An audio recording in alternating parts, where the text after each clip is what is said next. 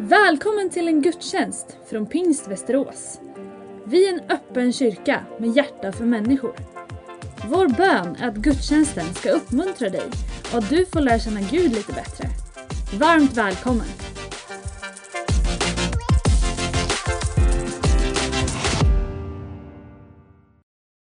Det är stort och fantastiskt att få fira gudstjänst, att läsa om att hjälparen kommer och höra det i ett avskedstal när man nu ska välkomna någon kan ju kännas lite tvärtom. Men välkommen biskop Mikael till Pingkyrkan. Vi ska predika över ett avskedstal. Det Jesus säger.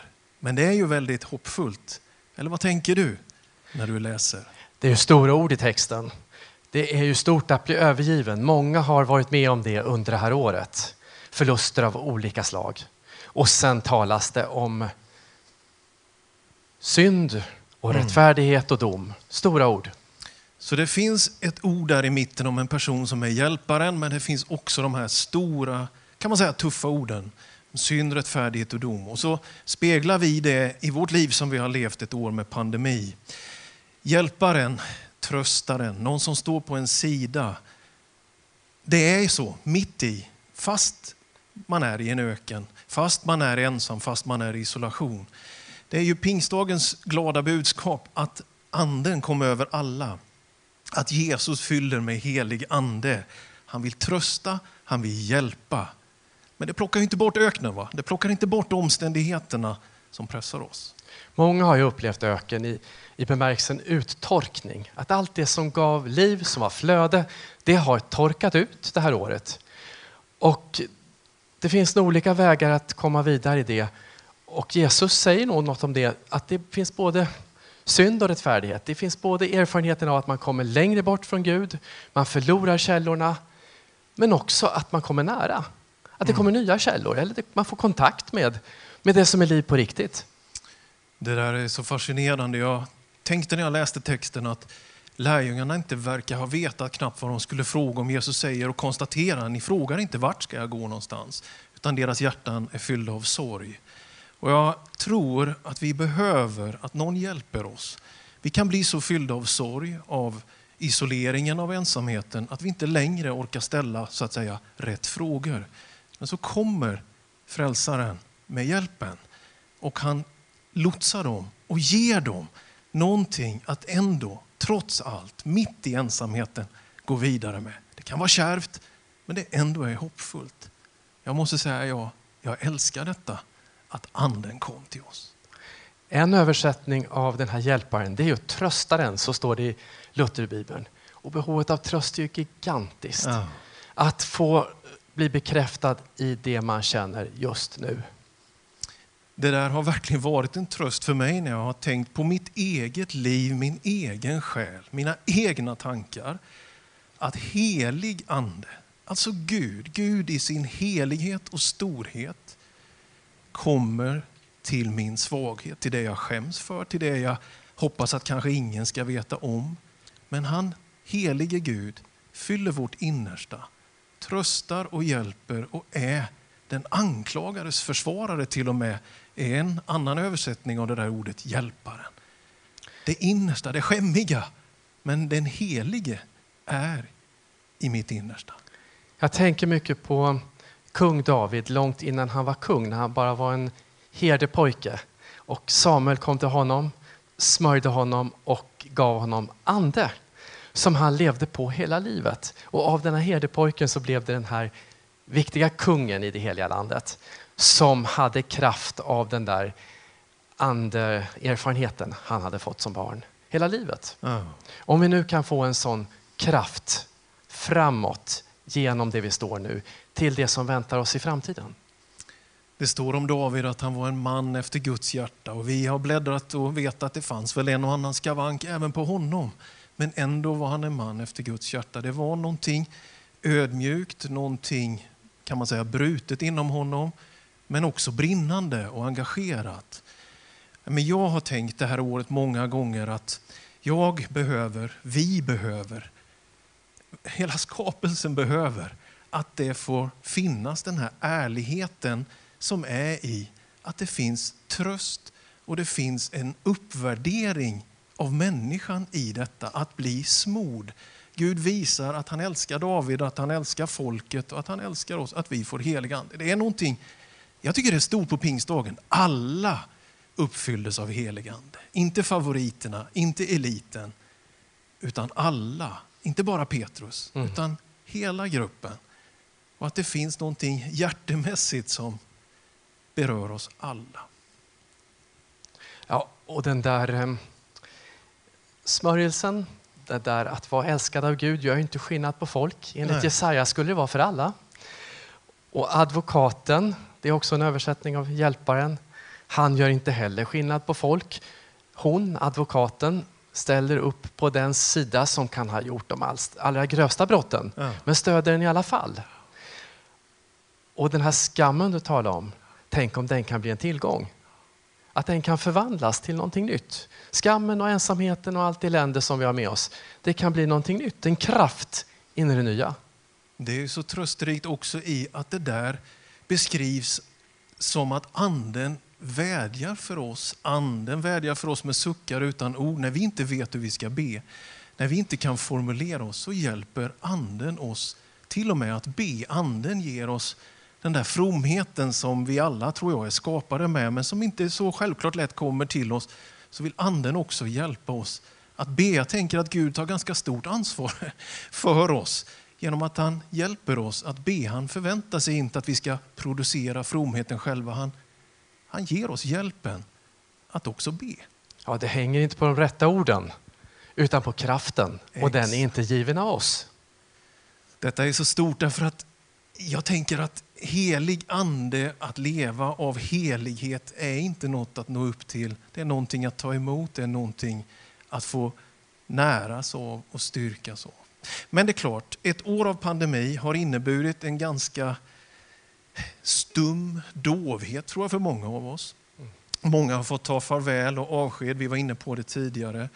Det finns en isolering, det finns någonting av en dimension som saknas när man inte får ta i hand eller krama om varandra, utan vi, vi har den här distansen. Jag hörde någon säga om alla dessa videomöten att man har ingenstans riktigt att vila blicken.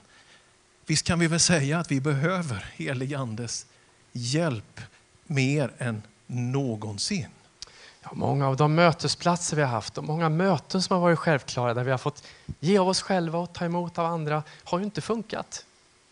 Nej, det har varit en nedstängning. Sen ska man väl vara tacksam för tekniken och utvecklingen. För hade det här varit för hundra år sedan så hade vi inte haft möjligheten att ha alla dessa digitala möten trots allt. För de som har tekniken, många står utanför den också. Det är sant. Men de står inte utanför räckvidden av andeutgjutelsen av Guds gåva. Hur den är så finns tröstaren där för dig. Ja, Jesus håller sitt avskedstal. Lärjungarna undrar vad är det som händer. Och så säger han vi ska få av hjälparen. Pingstdagens stora berättelse och händelse förutsägs. I det här ordet hjälparen ligger, som vi var inne på tidigare, trösten, stödet, hjälpen, vår försvarsadvokat. Men det finns en annan dimension av det ordets betydelse som är, kan man säga då, på den dynamiska, framåtsyftande, kreativa sidan. Nämligen uppdrag att ha något att leva för, att sträcka sig mot. Framtiden som dimension, att den är vår tillgång. Det som ligger framför oss. Och att det finns inget elände som inte har kvaliteter som liksom pressar framåt. Och det är väl Andens kraft i världen. Att ur världskatastrofer tidigare så har det kommit mm. kraft till tjänst i tiden efteråt. Ur kaos kommer kosmos och ordning och någonting sträcks framåt. Jag tror att i pingstkyrkomiljöer så predikar vi ju såklart vad vi har blivit frälsta ifrån men är nog lite kända ändå för att ganska mycket fokusera vad är vi frälsta till. Och jag tänker att det där är någonting också tröstande och läkande att vi får sträcka oss framåt. Det finns ett nytt blad att vända, ett nytt kapitel att skriva, en ny tanke att tänka. Det finns drömmar, syner, Guds ande uppfriskar, öppnar, ger nya dimensioner. Mm. Vinden blåser vart den vill. Det är någonting så gränsöverskridande stort detta med andens verk och att hjälparen inom oss är både det där till mitt innersta, det där jag då skämdes för, men också uppdrag till det yttersta av alla gränser. Jag kan göra någonting, du kan göra någonting, vi kan göra någonting. Jag blir så glad när jag tänker på det. Gränser öppnas och jag får kraft att skrida över dem. Det blir gärna funktion, att jag ska göra saker, det ska komma leveranser. Men vi ska nog också tänka person. Att även om jag inte får nya uppdrag i bemärkelsen gör nya saker, så kan min person få en kraft. Mm. Jag får en, en glädje, frid i det jag gör eller inte gör. Jag kanske inte får något nytt att göra, men, men jag mår bra i det som är. Och det där är också andens framåt energi. Att vara den människa vi ursprungligen skapade till att vara, att vi, vi blommar ut i det. Nej, men det, är, det, är, det är bra med ett, ett observandum så att inte kristen tro bara blir aktivism fast vi har något att göra. Han var en kropp och så fyller han alla våra kroppar med helig ande. Det där skiftet på pingstdagen som gör att församlingen börjar röra sig ut. De hade varit tysta men nu sa de någonting. De hade suttit stilla men nu gjorde de någonting. Och, och väckelserörelsens bidrag till kyrkan är ju lite av det där att du kan göra någonting. Du kan ta ett steg. Och jag tror att vi skulle behöva nya sådana visioner och drömmar i det som är den svenska folkmyllan just nu också. Vi har det ju. Genom att titta bakåt på det som var bra i det som har varit så har vi med oss katastrofer som har varit djupare än den här och förstört otroligt mycket. Och ur det har det kommit eh, kraft till nytt liv. Och vi har också med oss eh, goda erfarenheter från våra liv. Att ta med sig det bästa från, från det som har varit framåt. Och att inte framtiden är enda riktningen utan vi har också med oss eh, Jesus i det som var. Mm. Även om man inte trodde på honom i det som var, så fanns det den kraften i det också. Jag tänker att det där har varit Guds sätt att framåtsyftande ge. Men anden vilade eller svävade över vattnet i begynnelsen och anden över David som du var inne på tidigare. Anden över en människa. Det kan komma någonting över en. Som dopet, att man, man, man blir präglad och formad utav någonting mm. som gör att man som människa blir hel och att man bidrar till faktiskt det som Bibeln säger att en dag, ja, men skapelsen väntar på sin förlossning, den väntar liksom på upprättelsen. Att det här anden gör inom oss, det är någonting som också får stora konsekvenser. Vi är del i ett stort Guds skeende. Och efter dopet så drevs Jesus ut i öknen. Så att då blir också eh, påfrestningen större. När vi sätts i nya uppdrag så, så upptäcker vi saker om oss själva och allt är inte bra. Allt är inte roligt. Och vi får också möta en omgivning som beter sig på nya sätt när vi tar de där stegen framåt eller vi har förändrats själva. Det fanns en eh, sån tydlig situation så för aposteln Petrus och aposteln Paulus. Man märker för dem att de arbetar för samma sak men de är ändå i ett läge där de faktiskt ibland lite bryter och bänder och betonar på olika sätt det som är kyrkans uppdrag. Och det finns kampen som pågår där. Jag tycker det är så vackert när Paulus skriver i Galaterbrevet om att de som ansågs vara pelarna, de sträckte oss handen som ett bevis och ett tecken på vår gemenskap. Jag tror att vi behöver se i varandra. I det här fallet kanske Pingstkyrkan och Svenska kyrkan, syskon, människor. Att se vad Gud gör i min broder, i min syster. Att det är någonting att ägna sig åt. Att det här är någonting som är för mig, men det stannar inte hos mig. Evangeliet kom till mig på sin väg till någon annan. Och att få vara en del i det och få säga till varandra, vi behöver helig ande. Men vi behöver också varandra. Vi behöver församlingen. Vi behöver kyrkan. Det är ju den helige andes närvarande gemenskap. Och just kvinnorna verkar ju ofta ha gått först. Det var en kvinna som var den första europeen som tog emot eh, Jesus i sitt hjärta när Paulus kom.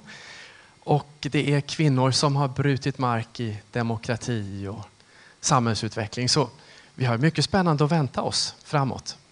Det är ju en så angelägen tid som det väl alltid har varit och är. Men jag tänker att för de som lever nu, vi som lever nu, att vi har ju vårt ansvar att uttolka och leva vidare det som är kristen närvaro och gemenskap. Och jag tänker att jag tror att det här är någonting som är så vackert när det pågår samtidigt. Trösten och uppdraget. Så vem som än lyssnar till den här predikan, hur du än har det, vem du än är, varifrån du än kommer, så kan du få hjälp. Men du kan också bli till hjälp för någon annan. Vi ber. Kom helig Ande. I Jesu namn. Amen. Amen. Du har lyssnat på en gudstjänst från Pingst Västerås. Har du frågor om församlingen eller vill veta mer om kristen tro kan du gå in på vår hemsida vasteras.pingst.se. Varje söndag firar vi gudstjänst tillsammans klockan 10.30. Välkommen att vara med via webben. Sök efter vår Youtube-kanal Pingst Västerås så hittar du livesändningen.